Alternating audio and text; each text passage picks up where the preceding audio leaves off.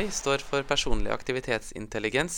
Og hvis du trener nok til å få 100 PAI hver uke, så har du større sjanse for et langt og friskt liv.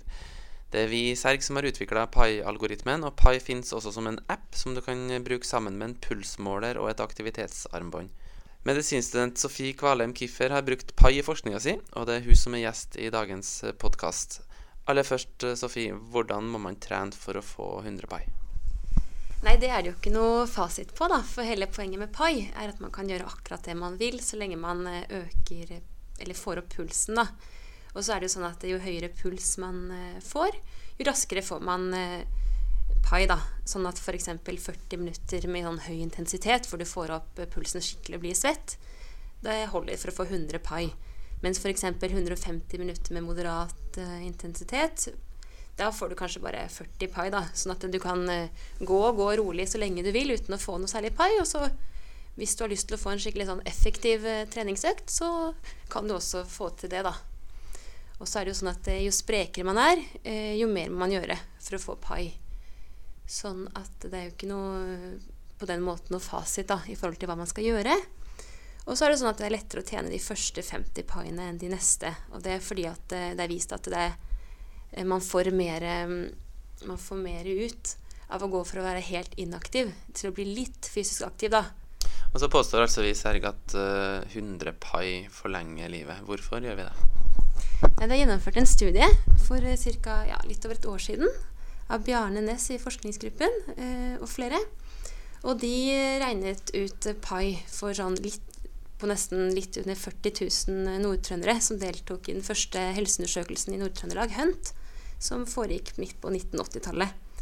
Og de viste da at de som hadde 100 pai eller mer eh, rundt 1980, de, hadde, de levde i snitt fem år lenger enn de som eh, ikke hadde noe pai eh, 30 år senere.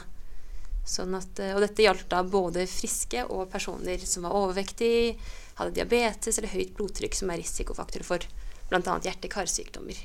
Da vet vi litt om bakgrunnen for uh, pai. Altså, nå har uh, din studie om pai nettopp blitt publisert i et veldig bra tidsskrift, Mayo Clinic Proceedings. Um, hva fant dere ut i studien din? Den er egentlig ganske lik som den forrige studien vi snakket om. Eh, vi brukte også deltakere som deltok i Hunt 1 da, på 1980-tallet. Og eh, disse deltakerne de fylte ut eh, noen spørreskjemaer. Hvor de bl.a. svarte på noen spørsmål om de hadde hjerte-karsykdom. Så vi fulgte da ja, litt over 3000 deltakere som sa de hadde enten hjertekrampe eller hadde hatt noe hjerteinfarkt eller slag. Og de fulgte vi helt i 2015, og da så vi at um, de som hadde um, 100 pai eller mer da, på 1980-tallet, de hadde faktisk 36% lavere risiko for å dø av hjerte-karsykdom og 24% lavere risiko for å dø i det hele tatt, sammenlignet med de som hadde null pai da, eh, på 1980-tallet. Mm. Og så Ja, det er jo litt vanskelig å på en måte forstå hva prosentreduksjon av dødelighet egentlig betyr. Så det som er litt interessant, det var at eh, de som hadde da over 100 pai, de levde faktisk 4,7 år lenger enn de som hadde mindre enn 100 pai. Da. Det er kanskje litt lettere å forstå. Mm. Det finnes jo ganske mange måter å måle fysisk aktivitet på allerede. Vi har jo 10 000 skritt, og så har vi Helsedirektoratets anbefalinger om å trene i 150 minutter med moderat intensitet eh, i løpet av en uke, f.eks. Hvorfor eh, skal vi bry oss om pai? Nei, Det er jo litt morsomt at du spør. Fordi at um, vi så sammenlignet nettopp de som hadde 100 pai og fulgte dagens anbefaling, med de som hadde 100 pai og ikke fulgte dagens anbefaling for fysisk aktivitet. Og disse hadde nesten eh, lik risiko uh, for dødelighet.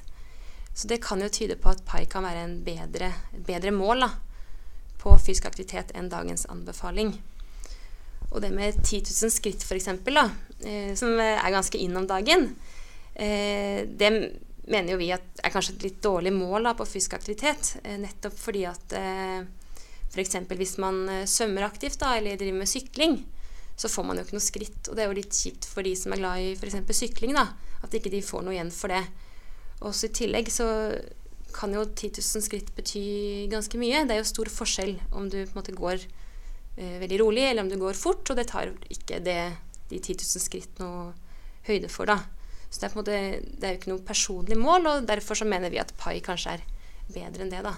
Hvordan tenker du at eh, pai kan være nyttig for eh, helsepersonell og andre som jobber med hjertepasienter til daglig?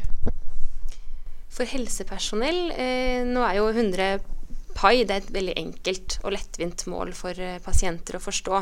I motsetning til f.eks. Eh, anbefalingene, som kan være litt kronglete, og det er liksom De tar høyde på at man må forstå hva moderat intensitet er, og høy intensitet er, osv. Så, videre. så det er vel enkelt, eh, enkelt mål eh, å anbefale. Og i tillegg, så med denne nye teknologien vi har, så er det lett å dele hvor mange pai du har mellom eh, mobiltelefoner og f.eks. med legen din, da, hvis du, hvis du skal prøve på det. Sånn at det er lett for legen å oppfordre til mer aktivitet da, hvis man ligger under 100 pai. Da konkluderer jeg med at også hjertepasienter har godt av å oppnå 100 pai i uka.